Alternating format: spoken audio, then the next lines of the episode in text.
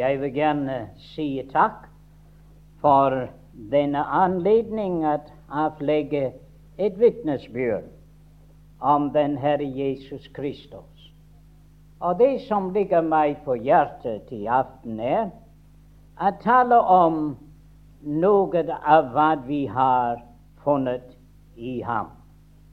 Og uh, har tenkt å lese fra dette brev som heter Brevet til hebreerne. Vi skal lese i det siste kapittel, Hebreerbrevets trettende kapittel. Og vi leser fra vers 10. Vi har et alter som de ikke har rett til å ete av de som tjener ved teltet. For de dyr hvis blod bæres inn i helligdom ved ypperste presten til å sone for synd, deres kropper brendes opp utenfor leiren. Derfor led òg Jesus utenfor porten, for at han ved sitt eget blod kunne hellige folket. La oss da gå ut til ham utenfor leiren og bære hans vanære. For vi har ikke her en blivende stad, men søker den tilkommende. La oss da ved ham alltid frembære lovoffer for Gud. Det er frukt av lever som lover hans navn. Les nå i eh, det syvende kapittel, kapittelet syv.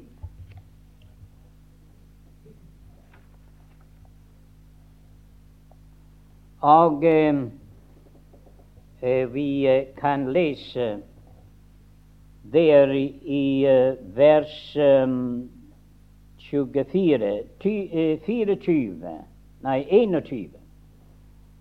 For henne er blitt prester uten ed, men han med ed.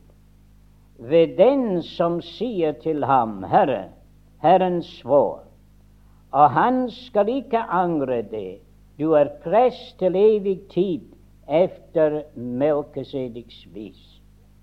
Så visst er det en bedre pakt som Jesus er blitt borgsmann for. Og av henne prester har det vært flere. Fordi de ved døden ble hindret fra å holde ved. Men denne har et uforgjengelig prestedømme, fordi han blir til evig tid. Og derfor kan han også fullkommen frelse dem som kommer til Gud ved ham, da han alltid lever, og går i forbønn for dem.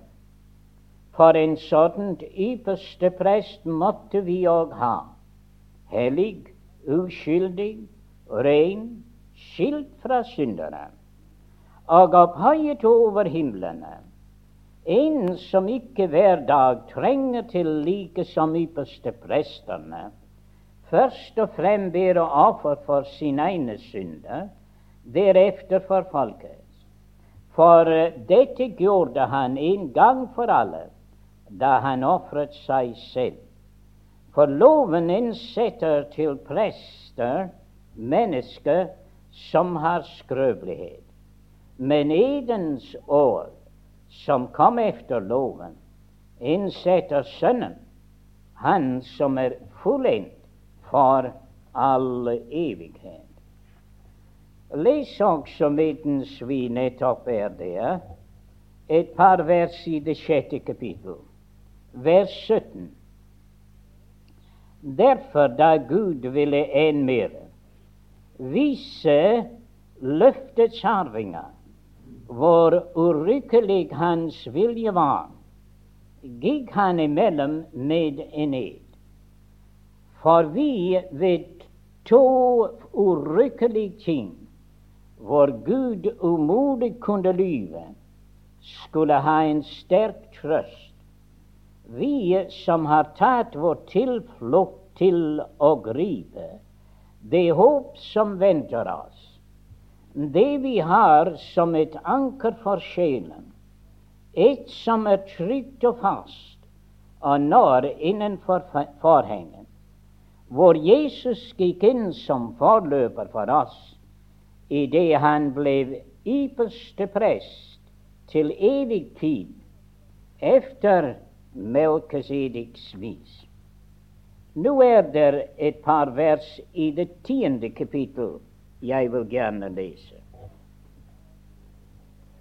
I det tiende kapittel, og det er nittende vers, da vi altså, brødre, i Jesu blod har frimodighet til å gå inn i helligdommen, som Han har innviet oss, en ny og levende vei til gjennom forhenget, det er Hans kjøtt.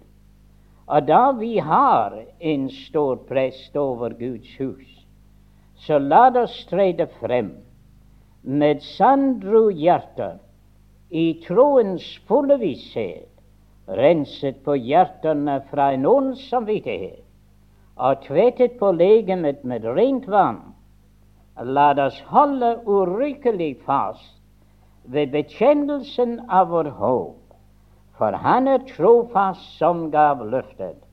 Og la oss gi akt på hverandre, så vi oppgløder hverandre til kjærlighet og gode gjerning, og ikke forlater vår egen forsamling som noen har for skikk, men formaner hverandre, og det så meget mere som vi ser dagen nærmer seg.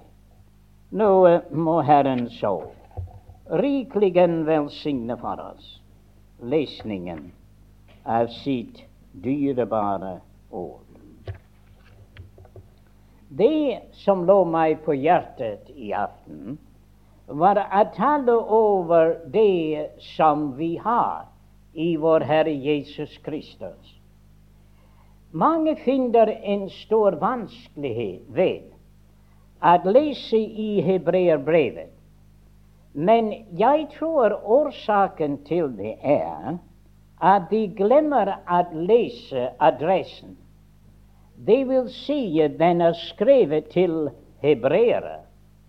Nå, hvis vi ikke ser dette og forstår dette, så kommer vi til at uh, ha vanskelighet ved å finne det rette spor.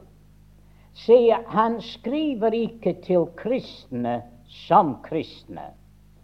Han skriver ikke til verdens mennesker som verdensmenneske. Men han skriver til et folk som heter hebreere. Folk der har vært oppdraget i Det gamle testamentets tro. Og efter Det gamle testamentets seremonier og disse gamle guddommelige bestemmelser og nå står de ansikt til ansikt med noe nytt. Det vil si at kristendom er kommet frem. Og nå står dette folk ganske rådvill overfor dette. Skal de forlate det gamle, og skal de slutte seg til dette her nye? Se, noen har ikke en klar tanke om at jødedom og kristendom er to forskjellige ting. Jødedom hører til den gamle, men kristendom er en ny pakt. Den gamle pakt, den, mine venner, var udulig. så der måtte komme en bedre pakt.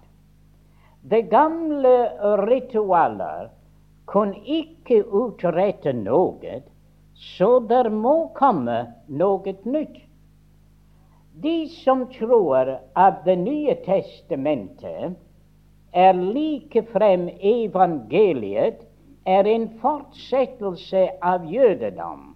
De tager feil. Fordi at loven og profetene de var inntil Johannes. Men da Kristus kom, så var det noe der er fullstendig nytt.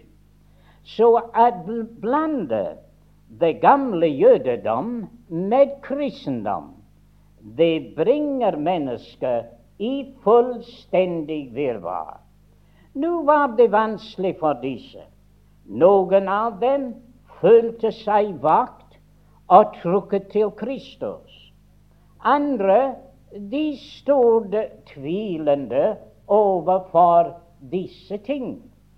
Nå, hva skulle skje og hva skulle de gjøre? Men plutselig oppdager de at denne kristendom var ikke hva de hadde tenkt, en fortsettelse av jødedom. For nå møtte de ikke bare motsigelse fra hedningene, men de møtte motsigelse fra jødene. Og de kom i vanskeligheter og forfølgelse. Og disse som var noe vaklende, ja, de var ved å vende tilbake til det gamle. Det var jo ganske forståelig, fordi de hadde ikke fått de klare begreper om hva dette kristendom inneholdt og forskjellen imellom det og jødedom. Og derfor behøver de en der ville forklare for dem hva dette evangelium inneholdt, hva de kunne byde dem. Og hvis de kunne se hvor kort det gamle var, hvor uh, det var, så ville de også se hvor fullkommen evangeliet var. Og selvfølgelig, når du ser at det gamle var ufullkommen, så kan du la det fare. Og når du ser at kristendom er fullkommen, så vil du ta imot det. Og derfor er det at det er en veldig ting, dette evangelium. Og han som skriver det Nå skal jeg ikke innlade meg i diskusjon. Det er noen som sier det er Paulus, og det er andre de kjemper med alle krefter at sier det ikke var. Men jeg har mine tanker om det, og jeg vil stemme for Paulus i hvert fall. Så meget har jeg lest om hva han hadde skrevet før, at jeg kan ikke tenke meg noe annet. I hvert fall, jeg vil si dette, det var skrevet av en hebreer av hebreere. Det var det. Det var ingen annen der kunne ha skrevet hebreerbrevet enn en hebreer av hebreere. Men hva var hensikten?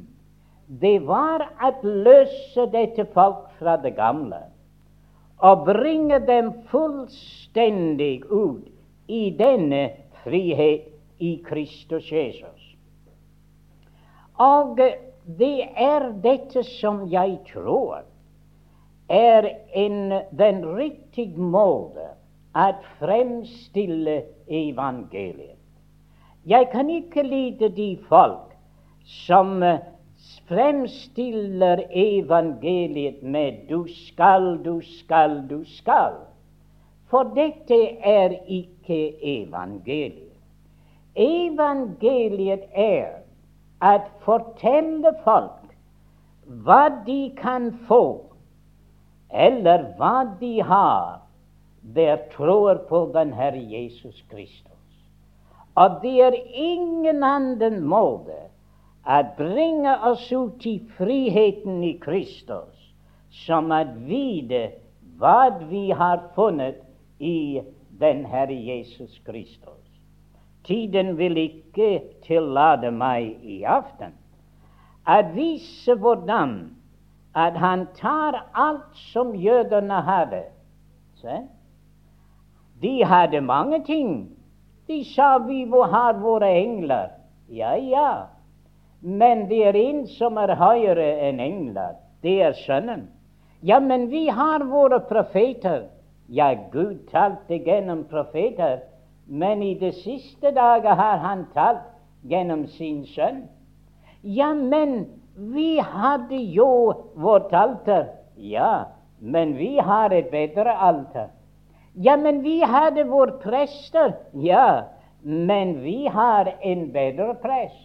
Ja, men vi hadde våre ofringer. Ja, men hvordan var de? Kunne de borttage synd? Aldeles ikke. De var alle sammen eh, utilstrekkelige. Vi hadde jo Aron sier det. Ja, men hvor er han nå? Jo, han er død, selvfølgelig. Men derfor var han ikke til noen nytte for dem å ha en død prest.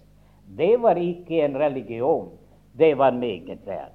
Så kjære venner, det er derfor at hebreerbrevet er givet for å lade disse folk se hva de hadde i virkeligheten i den Herre Jesus Kristus. Så jeg kjenner ikke alle som er her i aften. Kanskje de fleste er Guds barn.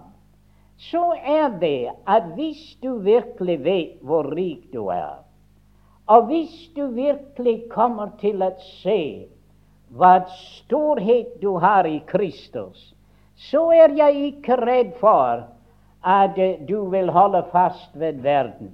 Nei, du vil slippe det med det samme. Og om du kommer til å se at alt du har satt din lit til, endog, min venn, dine gode gjerninger og alle dine ritualer, ja, da ville du se dette at om du finner er noe bedre i Kristus, så kan du la det, det hele fare. Så jeg ønsker i aften, for den lille tid vi har sammen, at understreke noen ting som de hadde, som var meget bedre enn hva de hadde i deres gamle ritualer. Han sier vi har et alter.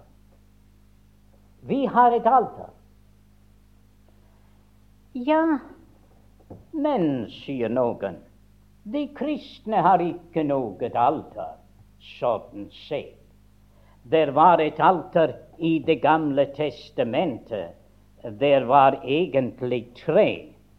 Der var den kopperalter der stod innenfor forgården hvor ofringer, noen av dem ble ofret og fetet av noen av ofringer.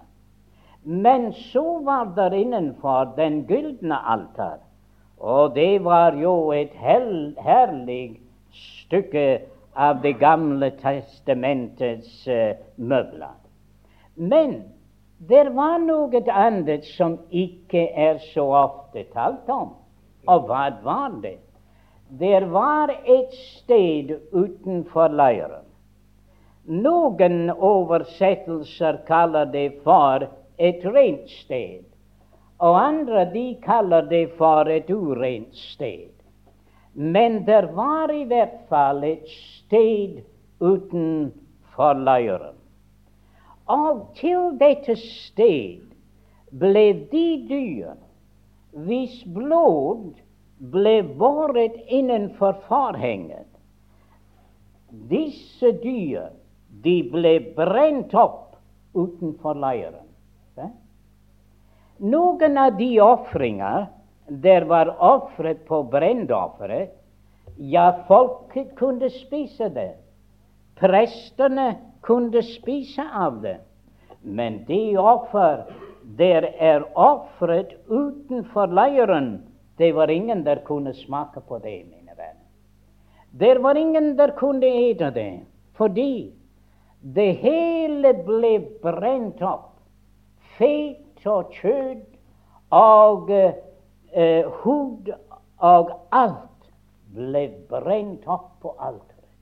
Det var en forferdelig tanke. Fullstendig opprent. Nå, hva er dette for noe? Det er dette som han taler om her. Vi har et alter. Ikke den som er innenfor forgården, men den som er utenfor leiren. Vårt alter, sier han, er utenfor leiren.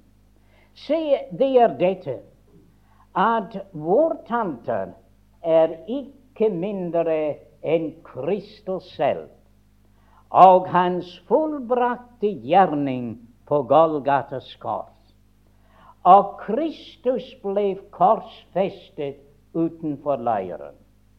Ikke bare at han er korsfestet utenfor Jerusalems porter, men han er ofret utenfor Jerusalems porter. Men han er korsfestet av jødene.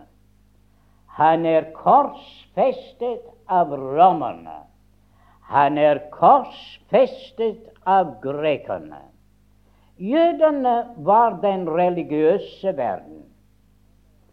Romerne var den militær- eller sivilstyre i verden. Grekerne de var de visdoms- eller folk med filosofi. Men alle de leirer, jødenes leir, romernes leir, grekernes leir Jesus er utenfor det alt sammen. Er det ikke forferdelig å tenke på det? Noen anklager jødene for de sa vi vil ikke ha den at herske over oss. Korsfest, korsfest. Og jeg skal si om du ønsker å gjøre en jødegal, så skal du bare si at det var dem der korsfestet Kristus. Men det var. Men det var også romerne, for de vil ikke ha ham. De vil ha keiseren. Og det var også grekerne så hele verden De vendte seg imot Kristus. Og kjære venner, Jesus Kristus, han ble korsfestet utenfor. Utenfor det hele. Så hvis du ønsker å komme til vårt alter, du vil finne at vårt alter er utenfor det hele. At du sier 'jeg kan ikke lide de folk der står utenfor det hele', så kan du ikke lide Kristus, min venn. Til de korsfestet ham utenfor leiren. Så derfor står det her La oss gå ut til ham utenfor leiren. Du kan ikke bli en jøde og en kristen. Tro ikke disse folk der taler om de jødiske kristne. Mine venner, det er ikke noe der heter det. Du er enten en jøde eller en hedning, eller du hører til Guds menighet. Da? Og det er en vanskelig ting å overbevise en jøde om. At det øyeblikk en jøde tror på den Herre Jesus, han har gått utenfor leiren. Han har tatt sin stilling ved den mann som var korsfestet utenfor Jerusalem. En hedning, det øyeblikk han tror på den Herre Jesus, han er gått utenfor leiren. Han stiller seg ved den mann der ble korsfestet utenfor Jerusalem. Så kjære venner, det er dette at de kristne, de sanne kristne, De har bare det eneste alter, og de anerkjenner intet annet alter. Ikke det jødiske eller det såkalte andre alter. Deres alter er Kristus og ham korsfestet. Vi har et alter. Han later dem se at de alteret de hadde, og de ofringer som de hadde, de ofringer kunne aldri borttage synd. Hvorfor ble de ofre da? Det var jo kun å dekke over inntil det sanne offer kom. Og han sier det var en ihukommelse av synd hver eneste år. Ikke at synden ble borttaget, nei, men år for år. Og det var det årlige som han tenkte på. At endog det offer, ofret utenfor leiren, dets blod ble båret inn, men synden var ikke fjernet. Men det var alt sammen peket på det alter som skulle opprettes utenfor Jerusalem. At det skulle blive et kors oppreist. At en mann skulle blive naglet der, Guds enbårne sønn. Og kjære venner, det er dette som er vårt alter. Johannes døperen sier, se det Guds lam som bærer bort verdens synd. Det er det store suksess. Her er det at syndespørsmålet er ordnet. Der er det at han ble synd for oss, han som ikke kjente til synd. Der er det at han ble en forbannelse, som det står, forbannet være hver den som henger på et tre. Her er det, mine venner, at dommen ramte han. Og derfor står det der er ingen fordømmelse for dem som er i Kristus Jesus.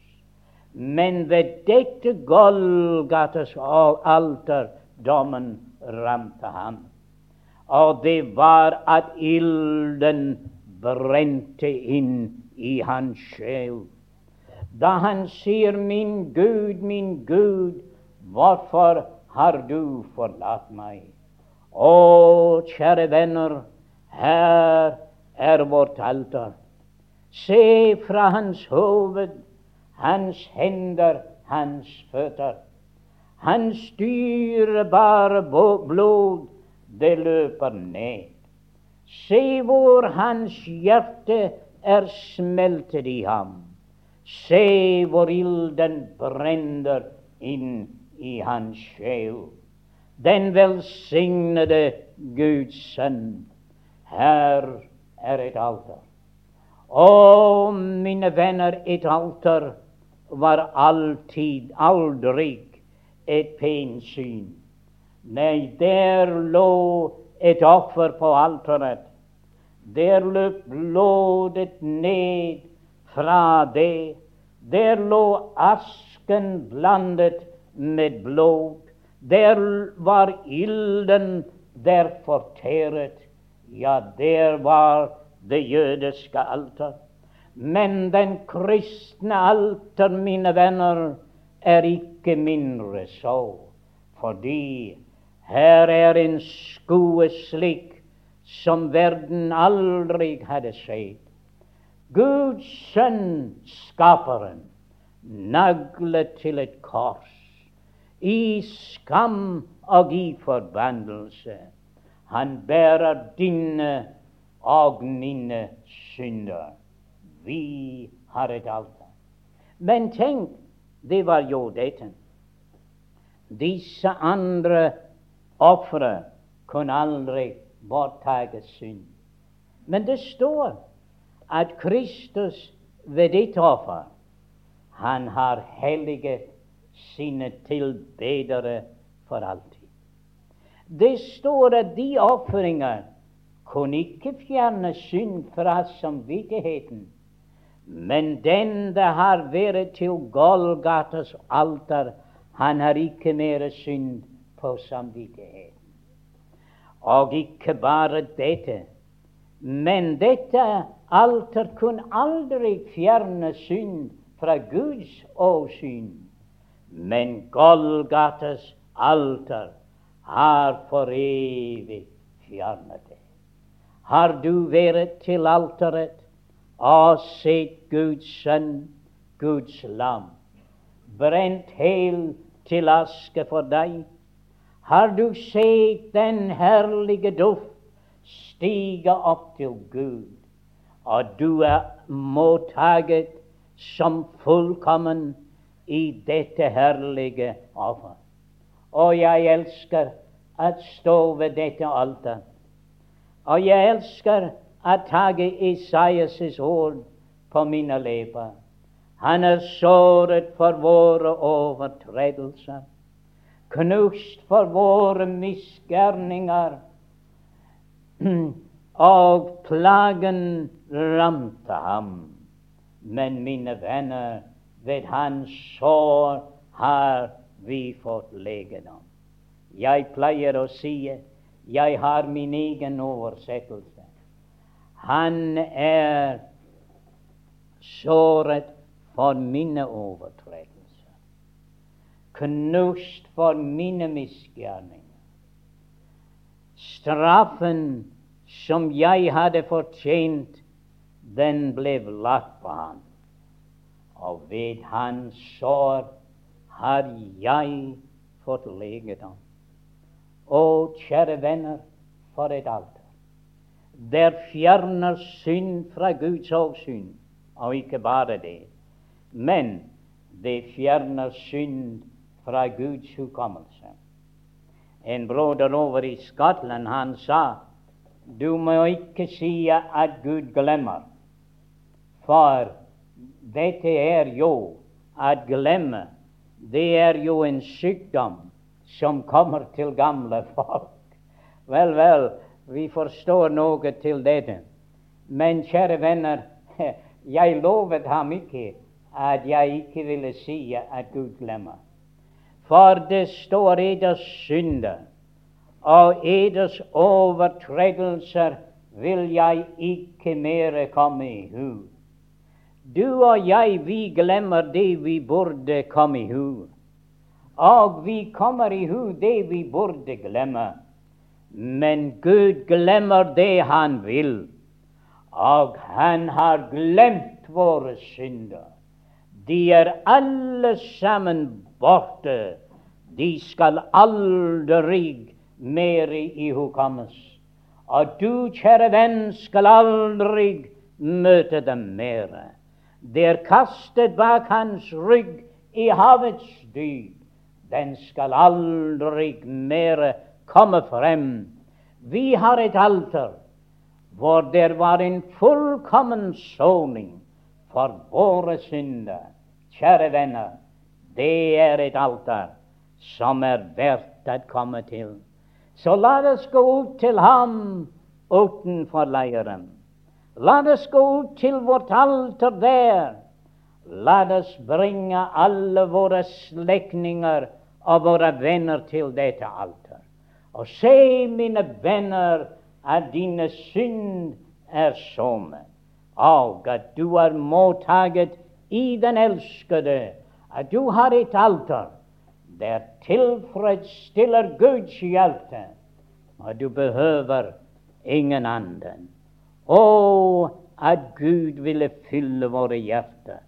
Hvem ville ikke da forlate det jødiske alteret, når du har opplevd å se dette alter utenfor. La oss gå ut til ham.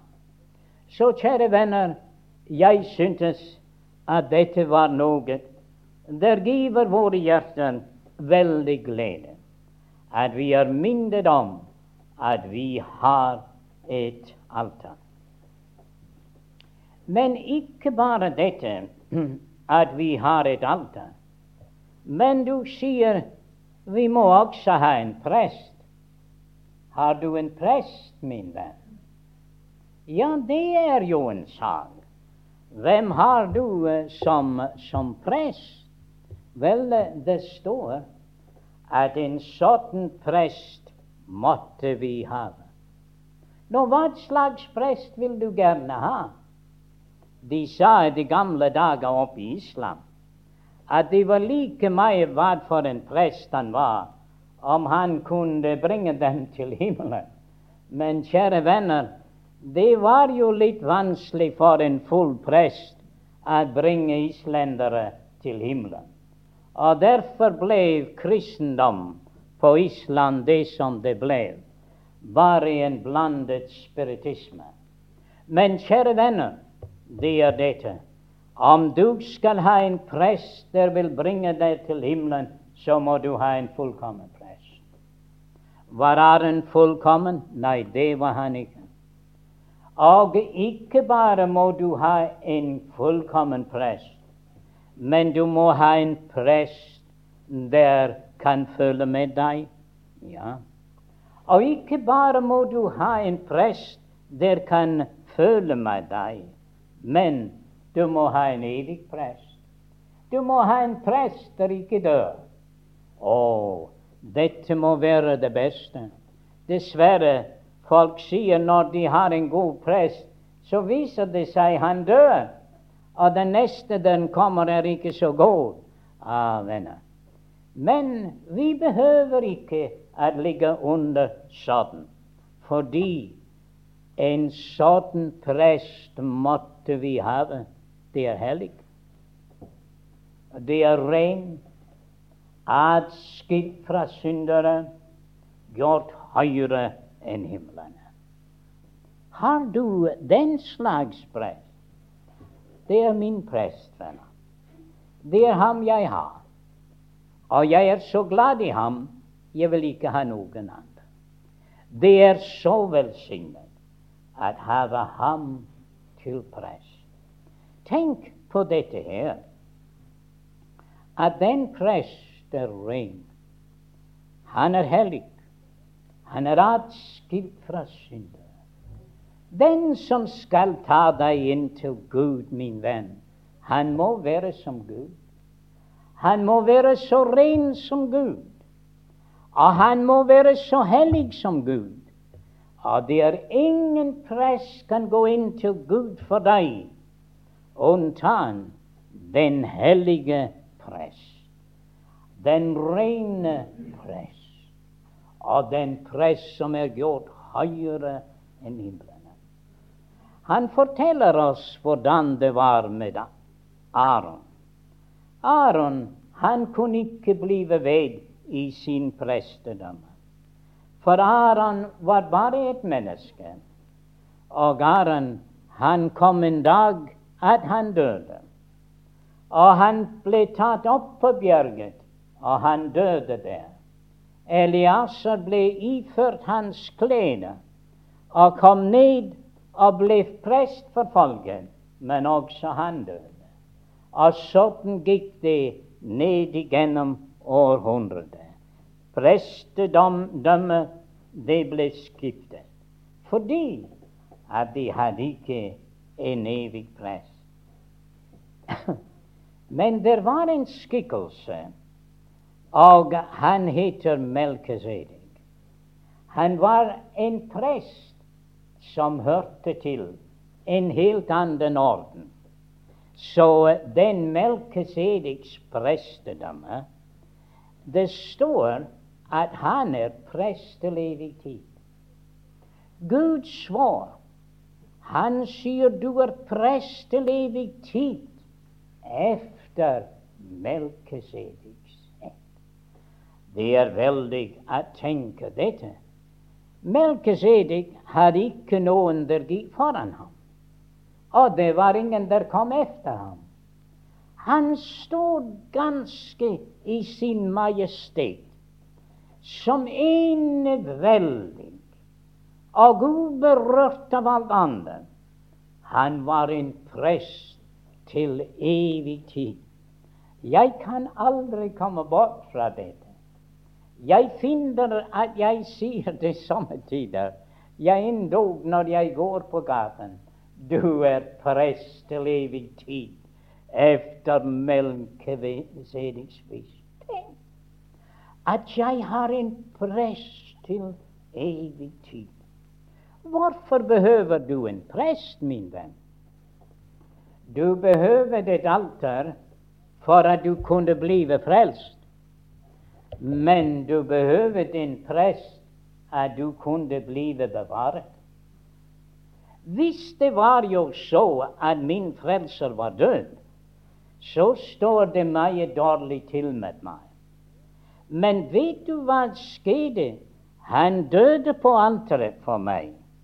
Men så stod han opp igjen og gikk opp til den høyeste himmel, og han er en prest der efter Melkesedeks vis. Han gikk ikke inn i Jerusalems tempel, aldeles ikke. Men han gikk inn i selve himmelen, inn i den like frem kernen i himmelen.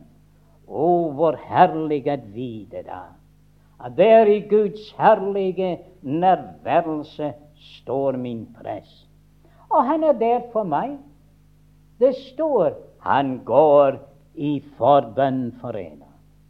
Ah, noen kjære venner, de sier til meg somme tider ja, bed for meg. Jo, vi kan jo gjøre dette, men kjære venn, det er en som beder for deg hver dag. Det er en der aldri opphører å gå i forbønn for deg. Aron, da han var prest, han hadde brystbanet her, og der stod navnene på Israels tolv stammer. På hans skulder der stod navnet på Israels tolv sønner. På skuldrene efter fødselen. På brystet, ja, efter de tolv stammer. Men kjære venner, han bar dem inn for Gud. Hver eneste av deres navn var der. Han bar dem opp på sine skuldre. Han bar dem på sitt hjerte. Og vet du dette?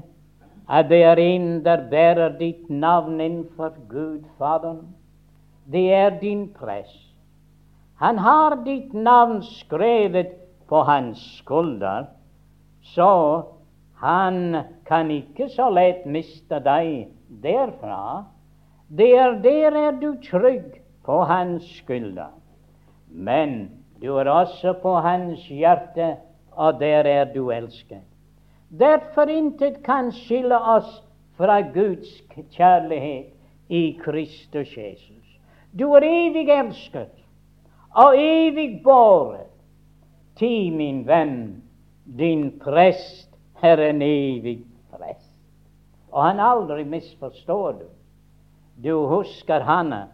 Hun bad, men Eli, presten, han misforstod henne. Og han anklaget henne for noe hun var ikke skyldig i. Ah, men det skjer aldri. Jesus kjenner ditt hjerte og mitt hjerte. Han elsker oss med en evig kjærlighet. Han bærer oss med hans evig makt. Du er min venn på hans hjerte. Du er på hans skulder. Glem ikke det. Det er det. Det er den slags prest som vi har. Jeg må skynde meg, men vi leste også om vi har frimodighet at gå inn i helligdommen ved Jesu blod. Det er disse to ting der giver frimodighet. Du finner i dag kristne troende som ikke har den frimodighet de skulle ha. Hva er i veien? De har ikke forstått den fulle verdi av dette alter.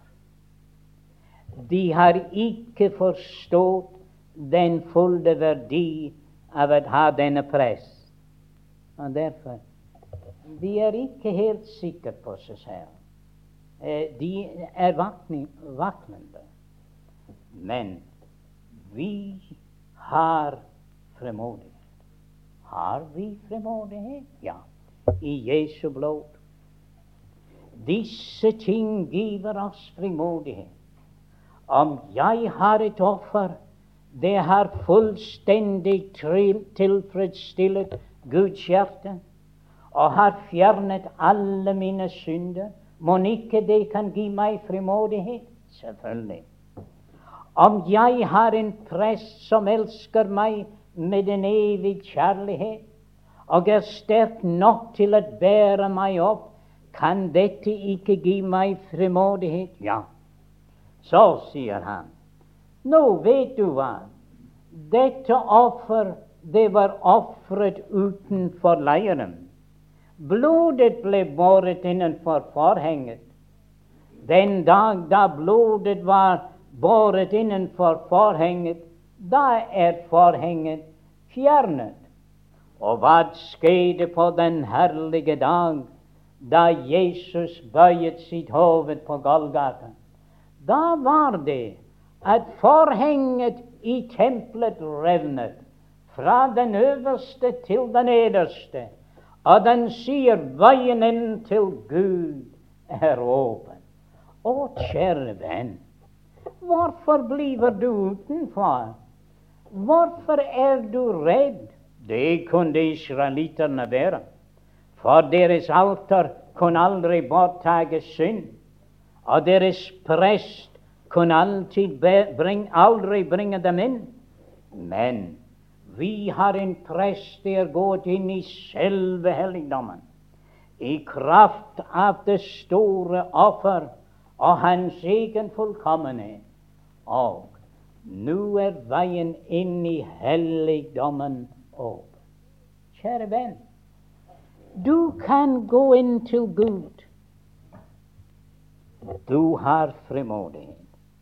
Det står 'la oss komme frem' med frimodighet til nådens trone. Du behøver ikke si om forlatelse, Gud. Eh, kan jeg komme til deg? Jeg vil gjerne si noe. Nei, vi har frimodighet i Kristi blod at komme til nådestolen, at bøye oss der og utøse våre hjerter til Gud i bønn og få hjelp. Men ikke bare dette. I Romerbrevets tiende kapittel det er en annen tanke. Det er det en tilbeder. Og vi har frimodighet i Jesu blod at gå innenfor helligdommen. Hvor er det du tilbeder Gud, min venn? Hvor er det du tilbeder Gud? Å ja, du er kanskje ikke så sikker på dette. Du vet at uh, vi kaller det på engelsk 'worship'. Se? Og tilbede. Så uh, hvis man ville spørre en til hvilken kirke det går, så sier vi ikke kirke, men vi sier 'Where do you worship?' Hvor er det at du tilbeder? Så det var en der spurte den damen. Ja, hvor er det du tilbeder? Hun sa innenfor forhenget. Ah, mine venner. Hun hadde forstått det. At stedet hvor Guds barn tilbeder, det er ikke noe jordested. Den kan være en gammel, fallen hytte der hvor du bor. Men kjære venn, du kan folde dine hender og falle på dine knær. og du kan gå inn til Gud innenfor forhenget, inn i det aller helligste. Og du kan bringe de ofre av et hjerte det er fylt av takksigelse og tilbedelse til Gud. Kjære venn, jeg håper at du er ikke alltid dem der går inn og bare beder. Jeg håper du går inn samme tider for å tilbede. En sa en mann sitter ved sin eh, skrivebord, og han leste noen brev, og tårene falt ned. Hvorfor var det i veien? Jo, jeg har en sønn ute i det fjerne. Jeg får mange bønnebrev. Alltid bønn om å få penger og det og det og det. Jeg sender det ham det han ber om. Men aldri får jeg en tak. Ah, mine venner. Det var noe der kunne knuse noens hjerte. Men forstå dette, kjære Guds mann. Når du er renset i Kristi blod og har en sånn press, du har frimodighet at gå inn til Gud og at bede. Men du har, min venn, du går inn i kraft av yppersten presten der leder deg inn med frimodighet at være en tilbeder. Å, kjære venn, vi har frimodighet.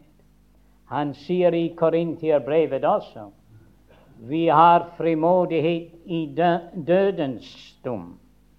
I Johannes' brev vi har frimodighet i dommen. Den som har vært til Golgates alter, han har frihet fra og han har frimodighet i Kristi blod. Så jeg synes disse tre ting er jo verdt å ha. Frimodighet, at have et alter, og at have en sånn prest, den giver oss så stor frimodighet. Når tiden går fra meg. Men la meg bare si ganske kort at vi har ikke noen blivende stad. Ja, men vi har en stad. Jo, har vi en stad? Ja, nettopp. For vår stad den er ved å komme. Og om du ønsker å se den, så kan du lese i Johannes' åpenbaring. Du vil se det komme ned fra Gud i det ene som en brud der er prydet for sin brudgom. Og i den andre, den heter brudgom. Så derfor kommer de til å diskutere om det er der hvor vi skal bo, eller om det er oss. Jeg tror, mine venner, at det er jo ett. Det er hvor vi skal bo, og det er oss. Vi er brakt inn i den herlige og den velsignede stilling, og Gud skal bo midt iblant dem. Å, for en herlighet! Jerusalem, jødene hadde en stad, disse hebreere. De var forferdelig glad for deres stad. Men jeg kan tenke meg at han der skriver dette her, han ville minne dem om deres Jerusalem. Den blir ikke lenge. Av de første var det Titus som lagde det, og da hadde de ikke noen stad. Så hebreere i virkeligheten hadde ikke en blivende stad, heller ikke. Men vi har. Vi har. Abraham så frem til den stad. Det hadde det faste grunnvalg. Og kjære venner, vårt navn er allerede skrevet der. Vi hører til menigheten av de førstefødte, hvis navnet er innskreven i himmelen. Det er vårt hjem, og det er vårt stad. Og derfor er det at vi er jo bare pilegrimer og fremmede her i denne verden, på reisen til vår himmelske stad. Så vi har et alter, og vi har en prest, og vi har fremodighet. Ja, og vi har en stad. Men jeg leste dette lille vers i Hebreerbrevet 6. Jeg kom inn på den tanke i Langåker forleden, og her står det vi har et anker for sjelen. Kjære venn, det er det som mennesker ønsker å ha når de står over for døden. De ønsker å ha et anker for sjelen. Men hvor er dette anker? Det er innenfor forhenget. Jeg synes det er merkelig. Du vet, jeg sa til dem der i Langåker jeg var ingen sjømann, og en landkrabbe skal aldri innlate seg på sjøforklaring. Men det er jo dette at allikevel jeg synes det er en annen tanke her. Det er kanskje ikke så heldig at ankeret faller midt i Atlanterhavet. Men min venn, en gammel en sa det er ingen der kaster anker i båten. Nei, det gjør de heller ikke. Men hva gjorde de med ankeret? I de gamle dager de hadde ikke de fine havner som de har nå. Så hva de gjorde, var de rådde ankeret til land. Og de satte den fast innenfor havnen.